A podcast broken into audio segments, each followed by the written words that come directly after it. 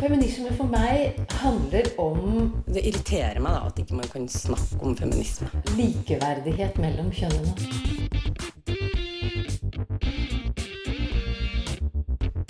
Det blikket på kvinnen på film. Det handlet om å bli tatt på alvor som jente. Du hører på Et eget rom på Radio Nova. I 2016 var det 11% per 1000 kvinner i Norge som tok abort. Men hva er det egentlig som skjer når man bestemmer seg for å ta abort? Hvilken abort kan man ta, og kan man i det hele tatt velge hva slags abort man kan ta?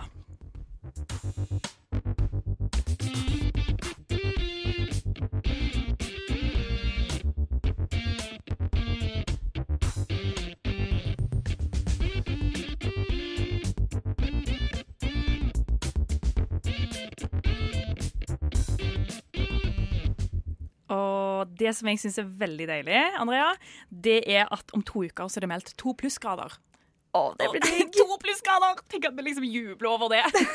det er helt sykt. Og det som jeg også syns er veldig fint å se fram til, er at det er 8. mars denne uken. Yeah. Og det ble jo helt nydelig. Og den jeg-en, den, eh, den kommer fra deg, Andrea. Skeid. ja. Og det er du som skal være med meg eh, den neste timen. Og jeg heter Lisa Aasbø. Eh, og vår tekniker heter Helje Svensson. Yeah. Eh, tar opp hånda der. Fint. Men jeg tenker 8. mars denne uken, hva, det jo liksom, hva er det som passer bedre da enn å snakke om på en måte feministsak nummer én? Og det Ja. er jo Er det ikke det abort? Jo, det er vel Er kanskje det det? Ja, men ikke veldig mye her nå, for det er jo egentlig litt det. Ja. På mange måter. Stemmerett, abort. Altså, og så er det liksom sånn, Fortsatt i dag så er det jo mye snakk om det. Man må fortsatt passe på den abortloven og, og, og på en måte eh, beskytte den, da. Hvis du skjønner hva jeg mener. Ja. Bare for noen år sidens reservasjonsrett, og så er det jo alltid debatt om den. Eh, men det er jo ikke det vi skal snakke om i dag. Debatten. Nei, i dag skal vi ha en mer sånn opplysningssending. Ja, for vi skal Ja. snakke om det litt mer praktiske. Mhm. Faktisk. Eh, For vi har jo hatt det litt tidligere i forbindelse med graviditet og fødsel, og vi har vært innom kjønnssykdommer og litt forskjellig. Eh, og man må jo bare snakke om dette her. Absolutt. For det er jo eh, så mye spørsmål. Ja, det her er vel spørsmål. eh, Jeg tipper det er mange som har vært en tur innom Google og tatt et par søk. Og det er jo alltids eh, fryktelig mange spørsmål. Ja, det er akkurat det. Men jeg eh, tenker jo at normalt sett så når vi starter, så pleier vi å spørre litt sånn der Ja, hva er ditt forhold til Sør-Afrika? Når vi har hatt om Sør-Afrika, da, eksempel. Så, så hva, ja, hva er ditt forhold til abort, Andrea? Ja, det er Jo. Ja. For det er ikke helt tilfeldig at du er med, med på akkurat denne sendingen her. Ja. Nei, jeg har jo en personlig erfaring, da. Ja, Så det. eh, det er jo eh, veldig gøy å se at når vi liksom skal forberede til denne sendinga her, så er det på en måte de spørsmålene vi nå skal snakke om. Det er jo akkurat de spørsmålene jeg hadde da jeg sto i den situasjonen sjøl. Og hva tid, ja, vi skal gå mer inn på det senere. Ja. Men, men ok, hvor gammel var du? Kan du si det først, da? Jeg var 16 år. Du var 16 år. Mm. Ung, altså. Ja, veldig det var litt tidlig. Ja, ja men det er, jeg syns det er superfint at uh, du er åpen og har lyst til å snakke om det. Det blir veldig spennende å høre på. Uh, men eh, klokken den viser vel typ, hvor mye viser den nå? Kanskje typ snart fem over uh, ti. Og det er mandag, og vi har fortsatt gode 55 minutter igjen av timen vår her på Radio Nova. Og akkurat nå så hører du noen sykt fete toner her fra Friendship. Friendship og det låta. Den heter Gypsy.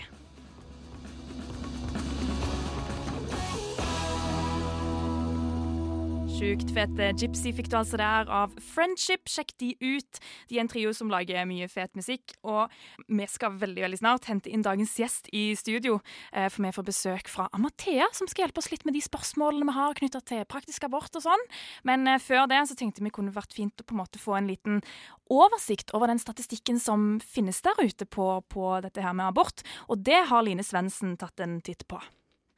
Abortregisteret er et landsomfattende avidentifisert helseregister over alle svangerskapsavbrudd i Norge, og er utført av Norsk folkehelseinstitutt. Registeret viser tall fra og med 1980 til 2016. Aborttallene i Norge er historisk lav ifølge de siste tallene fra 2016. I 2016 ble det utført 13 169 aborter i Norge, og per 1000 kvinner er dette 11 noe som er en nedgang på hele 0,7% bare siden 2015. I 1980 lå landsgjennomsnittet på 14,6% altså nesten 4% mer. Og selv om den årlige prosenten har gått opp og ned siden den gang, er tallene fra 2016 det laveste hittil. Det vises også en nedgang i alle aldersgrupper. Aldersgruppene der det er flest registrerte aborter i 2016, er 25 til 29 år. Og der ligger tallene på 19,3% per 1000 kvinner. Like etter kommer gruppa på 20 24 år med 19 Tallene til aldersgruppa 20 24 år er den aldersgruppa som har størst årlige endringer siden 1980. I 2008, for eksempel, bare åtte år tidligere, lå tallet på hele 30,7% noe som vil si at nesten en tredjedel av kvinnen i denne alderen tok abort. Aldersgruppene fra 35 år og oppover har holdt seg på ganske like tall helt fra 1980 til nå. 35 til 40 år har ligget mellom 9 og 11% mens de over 40 har ligget på rundt 2% i alle disse årene. Oslo, Akershus, Hordaland og Rogaland ligger øverst med flest aborter årlig, basert på antall aborter generelt, men om man ser på antallet per tusen kvinner som tar abort i de forskjellige respektive fylkene, er det Finnmark, Troms og Nordland som kommer øverst på lista. Det finnes også to måter man kan avbryte et svangerskap på, enten medikamentell eller kirurgisk. Medikamentell behandling ble innført i 1998, og har vært et stadig økende brukt alternativ siden da. I 2016 var det så mange som 88% av abortene som ble utført med denne metoden kontra 12% av aborter som ble utført med kirurgisk metode.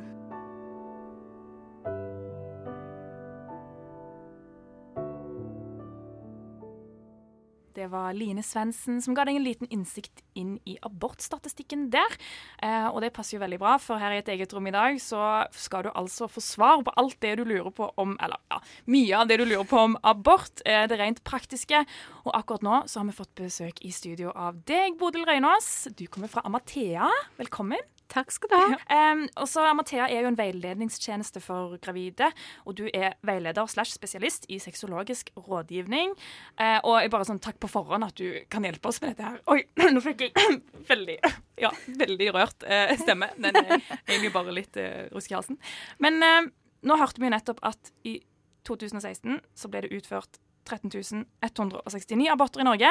Og så fikk vi en liten oversikt over de ulike aldersgruppene og sånn. Men ok, Det du kan svare på først, er egentlig Stiftelsen Amathea. Hva er det dere gjør for noe? Amathea er en gratis veiledningstjeneste til på en måte kvinner som opplever at de blir gravide og ikke vet hva de skal gjøre. Og Da hjelper vi dem med å på en måte møte dem eh, med den vanskelige, altså den vanskelige samtalen i forhold til en primæroppgave som vi har, som er valgsamtalen. Vi er jo et supplement til den allerede eksisterende helsetjenesten. Men vi tilbyr iallfall en primær valgsamtale helt rett lavterskel. At du kan komme fra gata samme dagen. Og at du kan få en time enten på telefon, på chat eller komme på personlig oppmøte. Så hvis man bare vil ha lyst til å snakke, og bare er om man så har tatt valget eller ikke, bare har lyst til å snakke med noen om det, så kan man komme til dere? Absolutt. Man kan komme både om man har tatt valget eller ikke har tatt valget. For det her går det jo på at hvis man opplever at ikke man helt vet hva man skal gjøre, så oppleves det som en eksistensiell krise. Man, altså, skal man velge å ta bort, eller skal man velge å fullføre et svangerskap? Og det er på en måte enda litt tabu rundt. Og da er det ikke så lett å snakke med alle. Og hvis man snakker med søster eller venninne, så har de ofte en mening med hva man skal gjøre, for de kjenner deg og har kanskje en liten agenda bak. Mens hvis de kommer til Amathea, så er det lettere at vi møter dem der de er. Og så hjelper dem å gi et refleksjonsrom hvor de kan selv prøve å få bedre oversikt over sitt eget liv. Fordeler og ulemper med å velge å ta abort eller ikke. Vi drar ofte inn partner, så de kan få en reflektere med en tredjepart. Mm. For man står ofte litt fast når man står alene i forhold til tanker og spørsmål man har. Mm. Men dere snakker om både det som har med valg å gjøre, men også de som har tatt valg, eller er det, kommer folk til dere med spørsmål om hva skal skje? Ok, hva skjer nå, på en måte? Du, vi har mange, vi har egentlig veldig mange ulike oppgaver i Amathea, men primæroppgaven er valgsamtalen. Ja. Og da, da, er det på en måte det å hjelpe den enkelte til å finne ut om de velger å, ta, å fullføre eller ta abort. Og så hjelper vi å, å veien videre, uavhengig av hva de velger. Nettopp. Og da vi også, møter vi også mange som har tatt abort før, og som trenger noen å snakke med. Mm. Som kanskje opplevde at aborten ble annerledes enn de hadde forestilt seg i forkant. Mm. Eller at de har tatt en abort uten å ha tenkt seg så mye om. Mm. Så er det noe med å bare møte de der de er, og så prøve å hjelpe dem til å reflektere og finne sin, in, sin egen stemme. Men de som kommer til dere for rådgivning, altså er det noe spesielt folk lurer på, eller er det noe spesielt folk er redde for med tanke på hvis de har bestemt seg for å ta, den, ta en abort? da? Du, det er så stort, på en måte. Jeg tror veldig mange tenker først at mange er litt sinte på seg selv fordi de har kommet i en slik situasjon. Det viser seg jo at nesten 40% av de som blir gravide og som ønsker å ta abort, har brukt prevensjon. Ja. Så det kan jo på en måte være vanskelig nok i seg selv. Men også så er det mange som tenker at at det, være, at det er vanskelig, at de er sinte på seg selv fordi de har brukt prevensjon, og så har de likevel blitt gravide. Og så er det på en måte en slags sånn det er. Ja, det er én ting. Men også er det når du kommer og sitter i en valgsamtale, så på en måte så skal jeg velge Er det nå? Er det økonomiske motiv hvis du er ung og på måte ikke har tatt utdanning, ikke har fått en leilighet? Så er det noen gjennom økonomiske motiver eller framtidsplaner som kanskje må endres på. Er du voksen? Er du, par, er du allerede etablert par? Har du barn fra før? Ja. Det er så mange forskjellige ulike dilemmaer som kommer opp liksom som knyttes til den enkeltpersonen. Det er jo kanskje et veldig rart spørsmål, men sånn type Hvem er det som tar abort? Hvem som helst, på en måte. Det er jo når man kjenner at dette valget er ikke rett for meg nå. Eller dette valget er jeg veldig usikker på. Og det kan være den helt unge jenta. Det kan være eh, tidlig et helt nytt forhold hvor de liksom har vært sammen tre til seks måneder. Det kan være de som har vært sammen i fem til ti år, som ikke har snakket i forhold til dette med å, å, få barn eller ikke. Det er de parene som har tatt en abort tidlig i et forhold, og som kommer tilbake kanskje fem-seks år etter og, og, er gravide og fremdeles er uenige. For de har ikke tatt den praten i forhold til er det vi som skal ha barn, eller er det ikke oss. Er det nå? Når passer det? Mm. Det kommer opp så mange sånn dilemmaer som man kanskje kan kvie seg for å ta opp. Ser dere en typisk uh, bruker av tilbudet deres? Altså, Vi er jo en landsdekkende tjeneste som har 13 kontorer rundt om i landet. Jeg jobber i Oslo Akershus-kontoret, og vi ser jo at i 2015 og 2016 så har jo over av de vi kjenner alder på For vi er jo, tilbyr jo at folk kan være anonyme og ikke oppgi noe data. Ja. Men av de vi kjenner alder på, så er over 70% over 25 år. Og de har jo ikke noe annet tilbud enn fastlegen sin. Vi er jo et supplement til helsevesenet. Og da kan vi på en måte, når vi, ved at vi møter de der og da, så er det jo ofte mange par som har to og tre barn fra før. Ja, og som på en måte sitter i et dilemma. Så sier kanskje han et forhold vårt tåler ikke et barn til. Mens, mens, den andre sier men vi har jo snakket om et, et tredje barn. Og så er det, nå, altså det er jo noen som har barn som er godt oppe i, i ferd med å flytte ut når de blir uplanda gravide igjen. Og da er det jo på en måte det å skulle begynne helt på nytt igjen med ja. bleieskift og barnehage og skole igjen. Så jeg prøver alltid å invitere inn en partner til i samtalen. Fordi at nesten alle kvinner og, og, jenter jeg har møtt, sier at de lar seg påvirke av hva en partner sier, selv om de eier valget selv. For kvinnen har jo 100% valg om hva hun ønsker å gjøre. Ja, Man blir jo likevel påvirka. Ja, man blir påvirket. For jeg tror det at man sitter og liksom skal ta en sånn stor avgjørelse, og som vil også påvirke den andres liv, gjør at det, at det, det blir liksom ikke bare å Nei, jeg tar abort.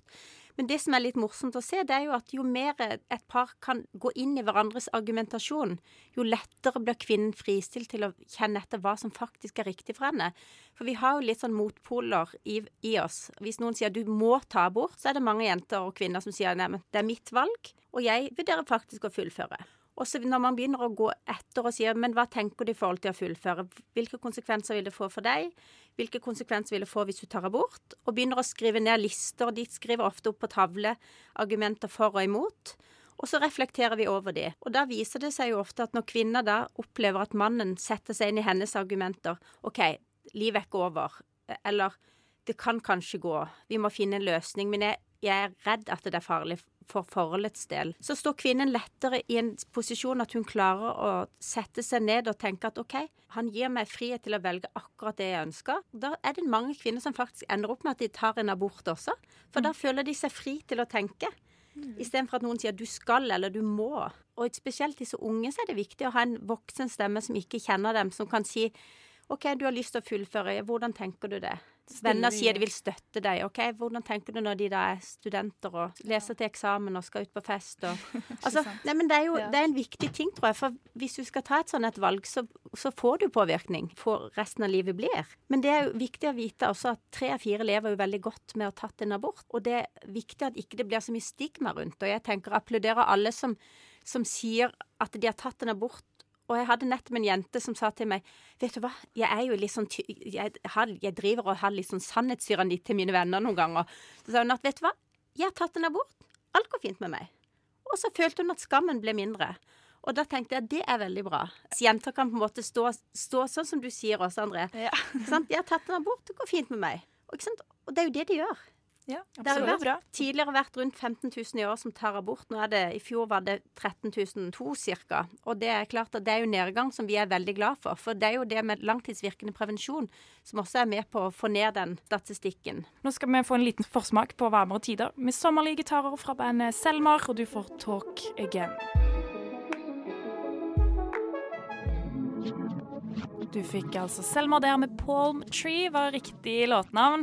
Eh, Du hører på et eget rom her på Radio Nova, og det er Elise Andrea som sitter i studio. Fortsatt besøk av Bodil Røynås fra Amathea. Og nå har vi vært innom det arbeidet dere gjør, og vi fikk snakke om valget, og det var kjempefint, for det er viktig. Hvem, litt sånn, hvem er det som tar abort? Det er ikke noe fasit på akkurat det. Det er egentlig stort, eh, vidt spenn. Men jeg tenker sånn at når man har funnet ut at man eh, er gravid, og, man, og man har bestemt seg for å ta abort, hva er da neste steg? Bestiller man time hos fastlege, eller, eller hva gjør man da? Man kan bare ringe direkte til sykehusene rundt nesten alle steder i landet. Det er et par steder hvor man må ringe, altså ringe fastlege først for at de skal henvise. Men de aller fleste steder kan man ringe direkte selv. OK, så det, så det er på sykehuset man tar aborten, altså? Ja, det er på sykehuset. Enn så lenge så er det det at, at nå er det ni av ti tar jo en medisinsk abort når Nesten ni av ti er statistikken, ifølge abortregisteret. Og da tenker jeg da er det jo viktig at man kan da ta steget når man kjenner dette er riktig, så kan man ringe direkte. Og det er jo en grunn til at man skal slippe det med fastlege. Det er jo noen som har familielege, det er noen som på en måte syns kvier seg på en måte for å gå og fortelle den legen som man har til alle andre problemer, om at de har lyst til å ta en abort. Så jeg tenker det er jo det at vi har et fritt valg, og da er det også Vi har et fritt sykehusvalg. Vi har mulighet til å ringe sykehusene der det vi ønsker, men primært ringer man jo det sykehuset man tilhører. Det som er nærmest, da. Og så bestiller man en time. Så da bare finner man det på internett, og så ringer man, og så får man en time.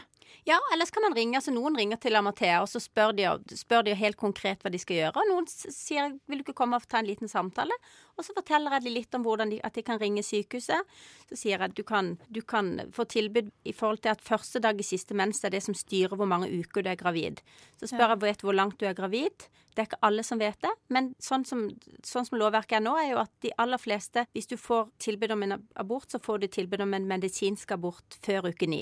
Og på Østlandet så er det sånn at noen sykehus så må du gjøre det hjemme, mens, mens et sykehus tilbyr at du kan også være på sykehuset. Så det kan man jo undersøke litt selv. Men det viktige er jo på en måte at, eh, at man har et fritt sånn valg, og man kan også si til sykehuset at man ikke ønsker at det skal formidles videre, eller at, at man ikke ønsker brev hjemme i postkassa.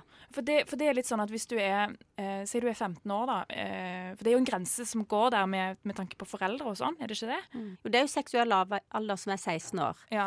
Og det er under, under 16 år så må du på en måte ha spesielle grunner til at ikke foreldre eller andre myndighetspersoner skal involveres. Ja. Men det fins unntak også der, hvis det står til fare for barnet eksempelvis. Så det, hvem er det som utfører aborten? Det er leger? Sykepleier, eller? Det som er greia, er at du kommer inn først når du bestiller en time til abort. Så er det gjerne at du må være mellom seks og tolv uker. Altså elleve uker og seks dager er fristen for å ta en abort. Og da kommer du først inn på gynekologisk poliklinikk, og så henvender deg i skranken, og så sier jeg her en time til abort. Og så blir du først tatt inn på et legekontor. Og da møter du en lege som først ber deg signere et sånn svangerskapsavbrudderklæring. Ja. Og så får du tilbud om eventuelt om du ønsker noe prevensjon. Og da kan noen også tilby om du vil ha en sykemelding. Ja. Og så blir du bedt om å sitte i en gynstol. Og det er et sånt som du tar sånn underlivsundersøkelse i. Så med beina opp? og Ja, sånn, med beina opp på sånn ja. stol. Mhm. Eh, og da sier jeg alltid til jenter ta på en litt lang jakke eller en kjole, så du slipper å tusle over gulvet bare med en kort topp. Det er alltid litt mer behagelig. Helt Eh, og så setter man seg der, og så tar de en innvendig ultralyd som går på en måte som det er en liten sånn dildoaktig som måler akkurat eksakt på dagen hvor langt du er gravid. Så sier de OK, du er syv uker pluss fire dager gravid. Du kan få en medisinsk abort etterpå. Og så skal man verken se noe, og det bildet de skriver ut, det tar, det tar de bare på en sånn stor sånn stift de har borte i hjørnet. Så det er ikke noe du får se, det er bare en, et mål de skal ta for å vite helt eksakt hvor langt du er gravid. Og så får man tilbud om, hvis man vet at man vil ta en abort, så er det jo mange som da går videre og snakker med en medisinsk rådgiver eller en jordmor på sykehuset, på poliklinikken. Kan man gjøre det da- samme dag, altså? Ja, Det kan man gjøre samme dag.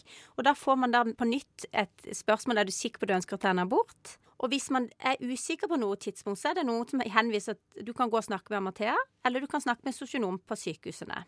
Eh, men hvis du vet at du vil ta det, så får du på nytt må du signere et papir at du ønsker å ta en abort, og så får du muntlig og skriftlig informasjon om medisinsk abort.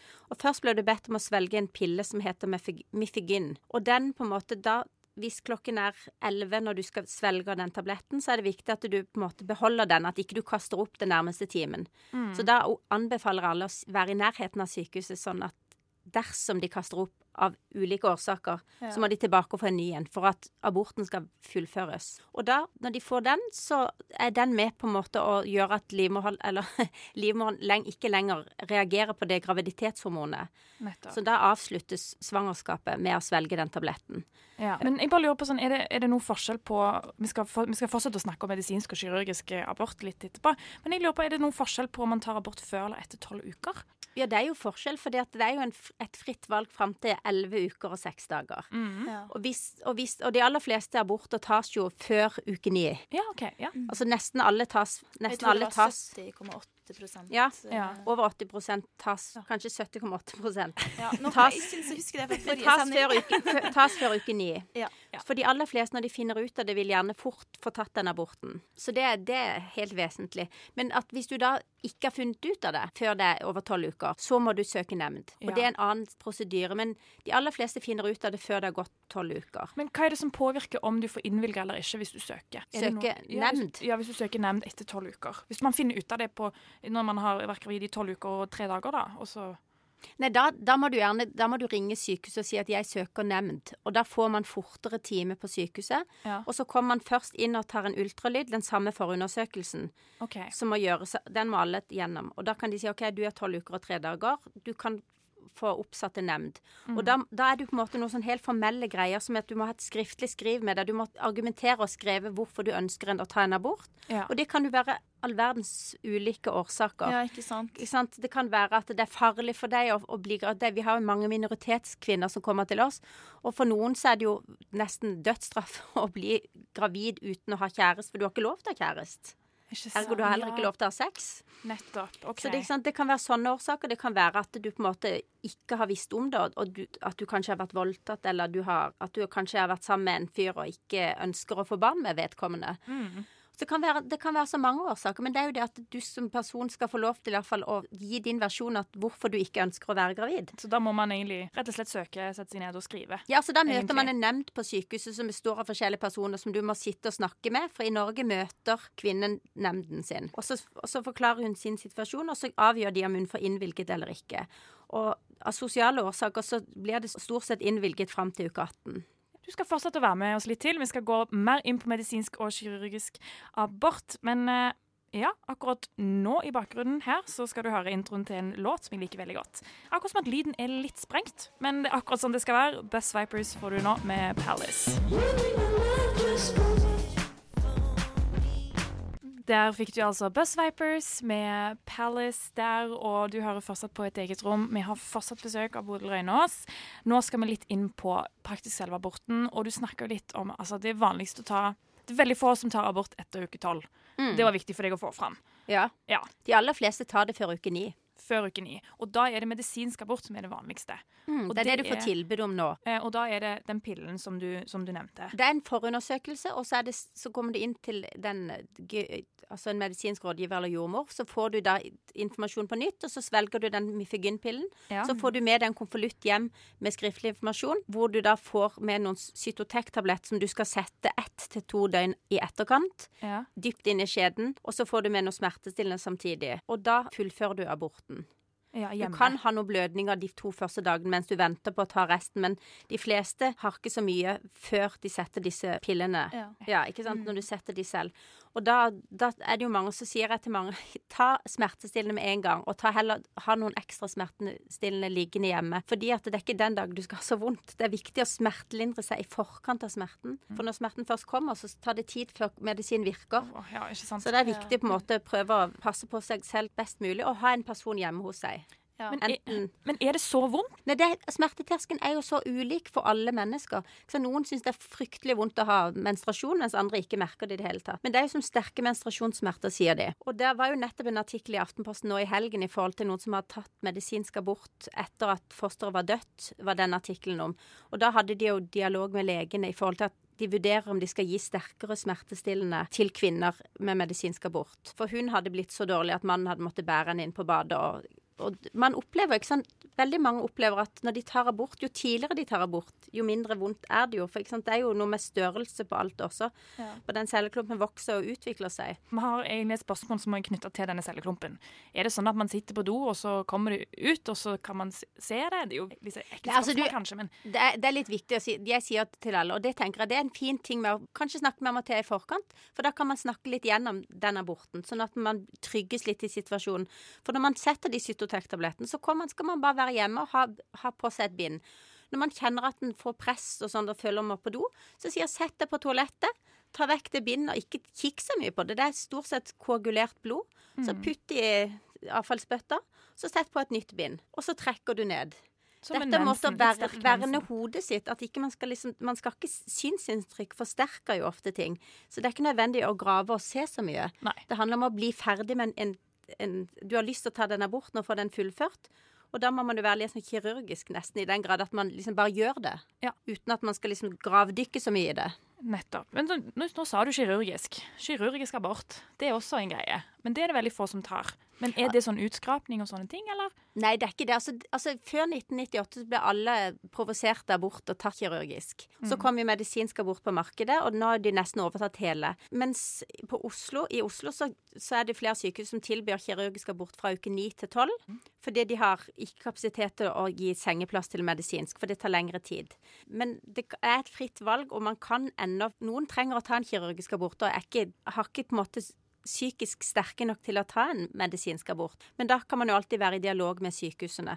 En kirurgisk abort er jo på en måte samme forundersøkelsen, men du kommer tilbake fastende. Da må du ha fasta ikke spist og drukket de siste seks timer når du kommer på sykehuset igjen, tilbake igjen. Og så får du en seng, og da blir du igjen spurt om du er sikker på at du vil ta abort. Og så har du også fått med sånn Myfegin-tablett, eller Cytotec-tabletter hjem, som skal mykgjøre mormunningen i forkant, som du kan sette før du kommer på sykehuset. Og da blir du lagt på en måte i narkose eller i lokal bedøvelse. Og så på en måte er det et sug, nesten som en støvsuger, sånn Oi. som på en måte tømmer livmorhulen. Og det er på en måte litt mindre brutalt enn dette utskraping som mange ser for seg at du står og skraper. Det høres fryktelig ut, men det er, det er nesten som en sånn støvsuger. Og, det gjør, og da er du litt avhengig av hvor mange uker du er på vei, hvor tykt det røret er. Ja, OK. Ikke sant? Og da er det det at etter uke tolv så på en måte blir det vanskelig med kirurgisk abort. Så da er det over på medisinsk igjen. Mm. Du kan ha tusen takk for besøket. Ja, tusen takk for at vi kom. Ja. Tusen takk for hjelpen. Nå, okay, nå har jeg liksom fått klargjort litt. Jeg føler at jeg kan egentlig ganske mye mer enn det jeg gjorde før. Eh, Bodil Røynås fra Amathea der, altså. På vei med deg ut så skal du få Gift Shop med My Name.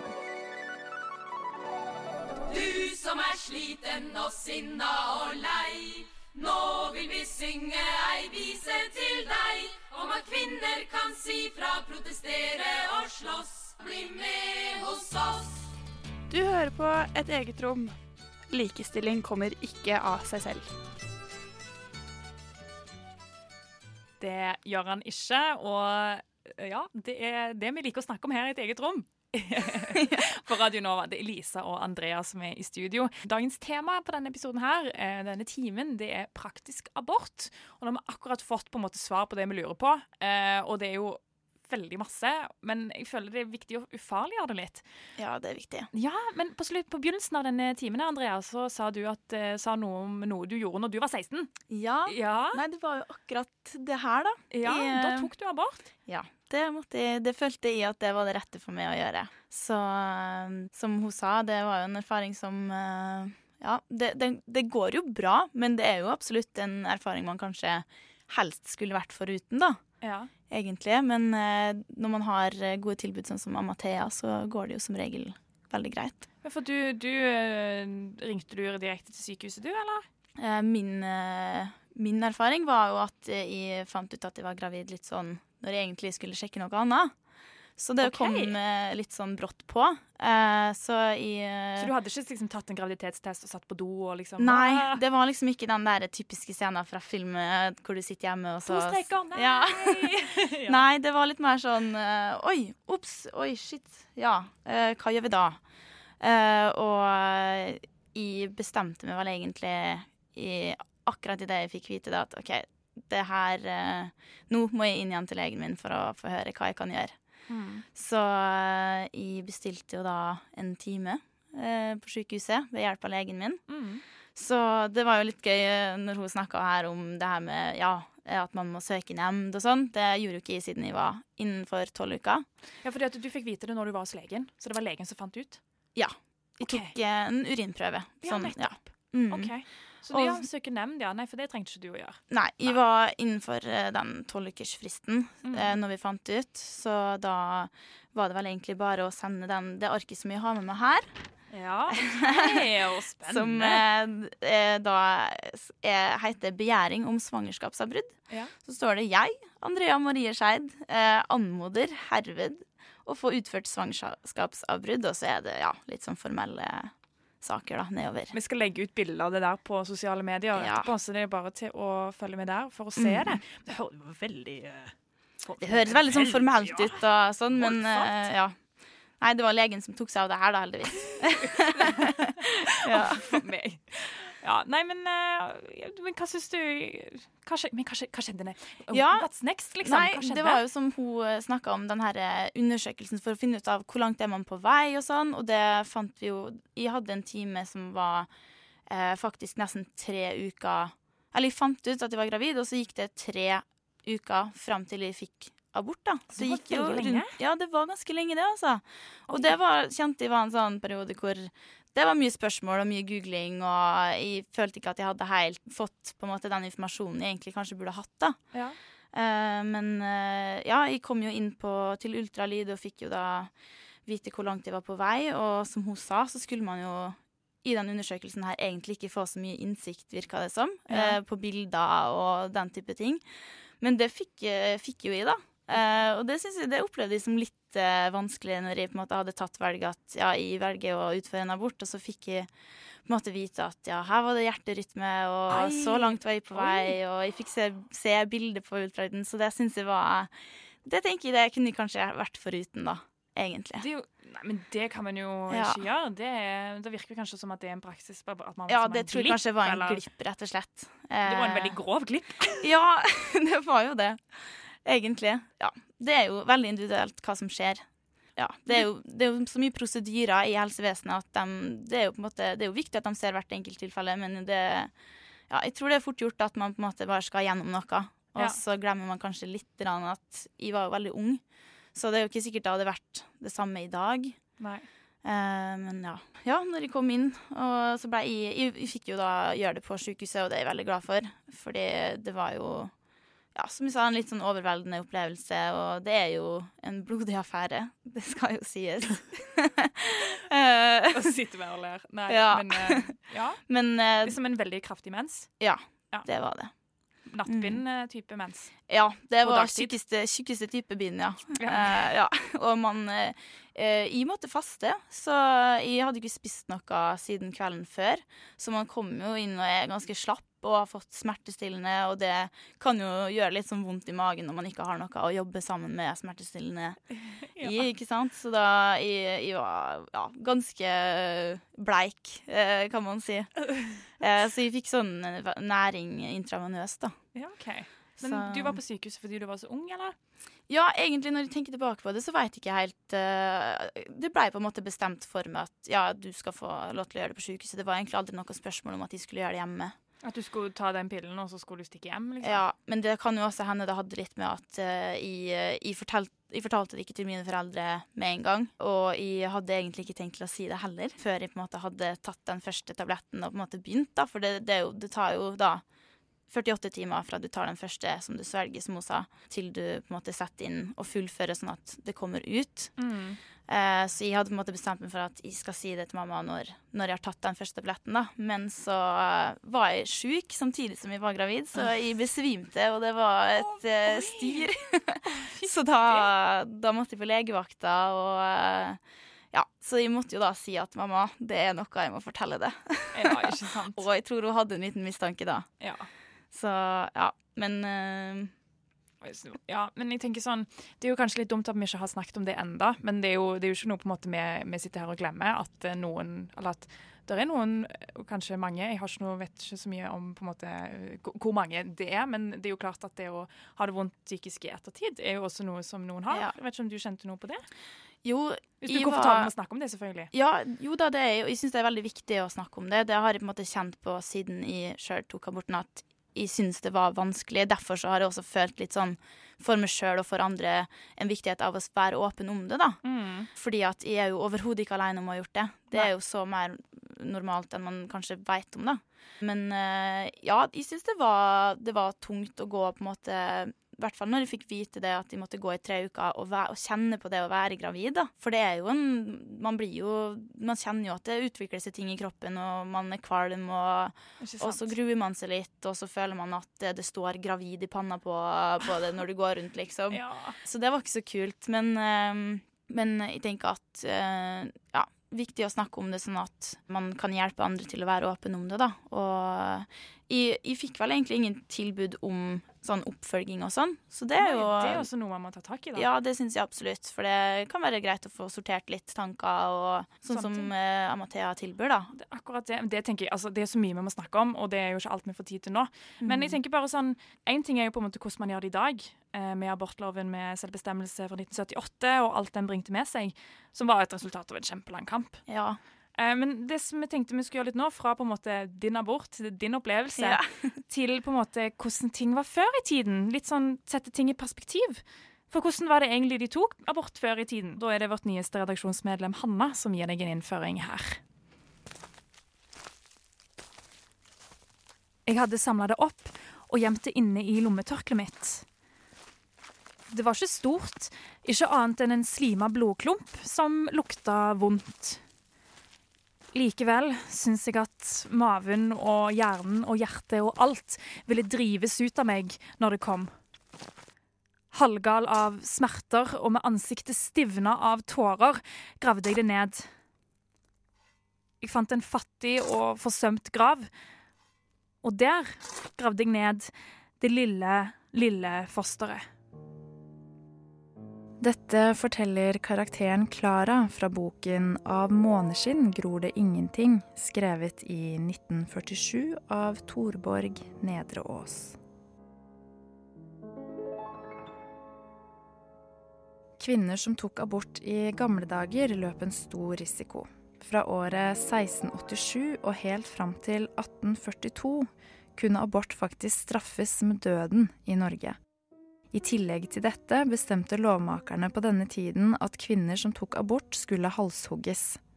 Dette var for å sørge for at kvinnene ikke fikk adgang til paradis eller himmelriket. En dobbel straff i det religiøse Norge, skriver Kvinnemuseet i Kongsvinger på sine nettsider. På 1900-tallet kunne kvinner som tok abort, bli straffet med opptil tre år i fengsel. Mens den som hjalp henne, kunne risikere opptil seks år i fengsel. Abort ble først avkriminalisert i Norge i 1975. Til tross for risikoen om dødsstraff og fengsling tok kvinner allikevel aborter før i tiden. Det er vanskelig å finne gode tall på antallet aborter, men ifølge kjønnsforskning.no døde titalls kvinner årlig pga. illegale aborter på 1920- og 30-tallet. Metodene for å unngå uønsket graviditet var mange. Kvinner i Norge kunne f.eks. stikke ulike gjenstander inn i livmoren, slik som strikkepinner, heklenåler, kleshengere eller sakser. Til NRK forteller Jakob Nakling, overlege i gynekologi og oppstrikk ved sykehuset i Lillehammer, at kvinner oppsøkte såkalte kloke koner for å foreta illegale aborter. De kloke konene satt bl.a. kateter i livmoren til kvinnene og fylte de med vann, slik at det skjedde en reaksjon i livmoren. Disse metodene kunne åpenbart føre til infeksjoner. Antibiotika var enda ikke oppdaget på den tiden, og en infeksjon kunne ofte ende med døden.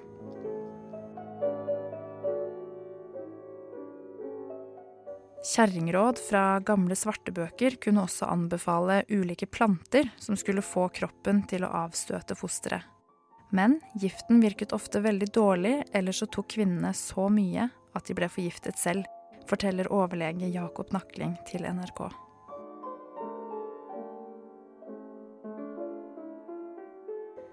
I 1978 fikk vi selvbestemt abort i Norge. I dag har kvinner tilgang på mange ulike former for prevensjon. Og om de blir uønsket gravide, kan man abortere med kun en liten pille.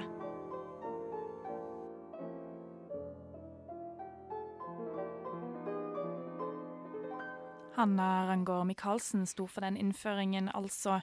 Og Guri malla, det er så grusomt. Ja. Jeg får skikkelig vondt i magen. Fordi, Uff, ja. Og jeg bare tenker at sånn hele denne Jeg tenker Av og til så er det kanskje litt viktig å, å tenke på Jeg bare får sånn der, jeg, Man må på en måte bare hvile tanker til alle de damene, og Ja. alle de som har dødd for dette her. Ja, liksom. ikke sant? Tenk noe så fryktelig leit å dø for, på en måte. Det er akkurat det. Det er jo skikkelig leit å dø for. Ja. Og det er helt vilt. Eh, og det er bare også derfor det er så viktig på en måte å være litt ikke sånn skjerpa, men at man på en måte fortsetter å, å måte beskytte den loven da, om, om, om selvbestemt abort. For det er Ja. så, så, så, så, så viktig. Mm. Eh, og det er liksom Ja, det er kanskje feministsak nummer én. Det, Ja, det for meg det. er det det. Men det er så utrolig grunnleggende viktig. fordi at hvis, hvis ikke man har en sånn type lov, så er det jo dette her som skjer. Og dette her skjer jo fortsatt steder i verden. Ja. Som vi selvfølgelig kommer til å snakke mer om i et eget rom. Ja, det, er- det er jo det her argumentet med at for det om abort blir eh, Eller altså det hvis abort blir ulovliggjort, så folk vil jo fortsatt ta abort. Det er, bare det at det blir på et mye farligere vis, da. Så da spørs det jo hvor mye man på en måte ønsker å beskytte kvinnene i samfunnet, da, tenker jeg da. At Ja. det er det det liksom koker litt ned til. Ja, det handler jo om liv og død eh, for, for den gravid, gravide kvinna, og ikke bare det lille Ja, det er akkurat det, er akkurat det, det gjør. Eh, og vi skal få, nå skal vi få litt mer musikk. Eh, og jeg tenker kanskje at denne låttittelen heter 'Nå faller alt sammen sammen', og det er sikkert kanskje det disse damene tenkte eh, når de innså at de måtte ta abort. Men her får du skalla. Skalla, nå faller alt sammen. Sammen fikk du her i et eget rom på Radio Nova. Og vi ble nettopp enige med nå, Andrea, at eh, ja, vi skal ha eh, eh, Det kommer en episode snart, eh, om kanskje noen måneder, som skal handle om postabort. Ja. Det Rett og slett. slett. vi må snakke om det også. For det er alltid sånn at vi bare sånn OK, det er for mye. Det er, for mye, vi må, det er så mye vi ikke fikk tid til. Men da tar vi rett og slett en egen sending om det. Vi kan jo bare si at eh, nå går vi over til litt mer sånn der ting vi skal gjøre framover, som er litt viktig å få fram. eh, og det er at eh, den 10. mars, førstkommende lørdag, da skal vi flytte oss ut fra studio og ned til Lillesalen. For da skal vi ha sending foran publikum. Ja, i forbindelse med eh, Femfest som skal være på huset. Som er i forbindelse med, også med kvinnedagen og hele denne uken her, som er en ja, festuke. Kampuke. Absolutt. Yes. Og da skal vi snakke om seksualundervisning. Mhm. Og det blir så, så spennende, og det er så, så, så, så, så viktig. Ja, da får vi også besøk. Selvfølgelig gjør vi det. Ja, og så forhåpentligvis også masse publikum. Så hvis noen har lyst til å komme og se, så må de veldig gjerne gjøre det. Veldig ydmykt. Men eh, please, kom og se, da. Vær så snill. Men eh, ja, vi er jo på veis ende med, vet du. Eh, Moldenserdialekt og de, Andrea, jeg peker på deg nå. Det er- er Andrea Skeid sin. Eh, og hun har vært i studio sammen med meg, Lise Aasbø. Tekniker har vært eh, Helje Svensson, som alltid. Du er superflink. Og tusen takk til Hanna Rangård Michaelsen og Line Svendsen, eh, som også har bidratt til denne sendingen. Så kan vi også si en siste ting, eh, og er at vi håper at dere skrur på radioen på selveste kvinnedagen den 8. mars. For da skal vi ha Ekstra super feire spesial med et eget rom med cava og parolesnakk. Det blir kjempekjekt. Det gleder jeg meg masse til. Ja. Da skal vi, ja, som, som jeg sa, parolesnakk og være masse masse, masse folk i studio. Være kjempecrowded. Ja, Det blir bedre enn julaften og bursdag og alt til sammen. Ja, gjør det ikke det? Ja, det blir Å, Og jeg gleder meg. Jeg skal pynte meg. Ja. Tenkte det. Tenkte det. På med røde strømper. ja, det blir super, superbra. Og så håper jeg egentlig at alle sammen får en veldig fin uke. Ja, og en fin feiring av 8. mars. Og vi ses i toget. Du har hørt en podkast fra et eget rom på Radio Nova. Vil du høre mer? Sjekk ut Et eget rom på Facebook, Instagram eller radionova.no.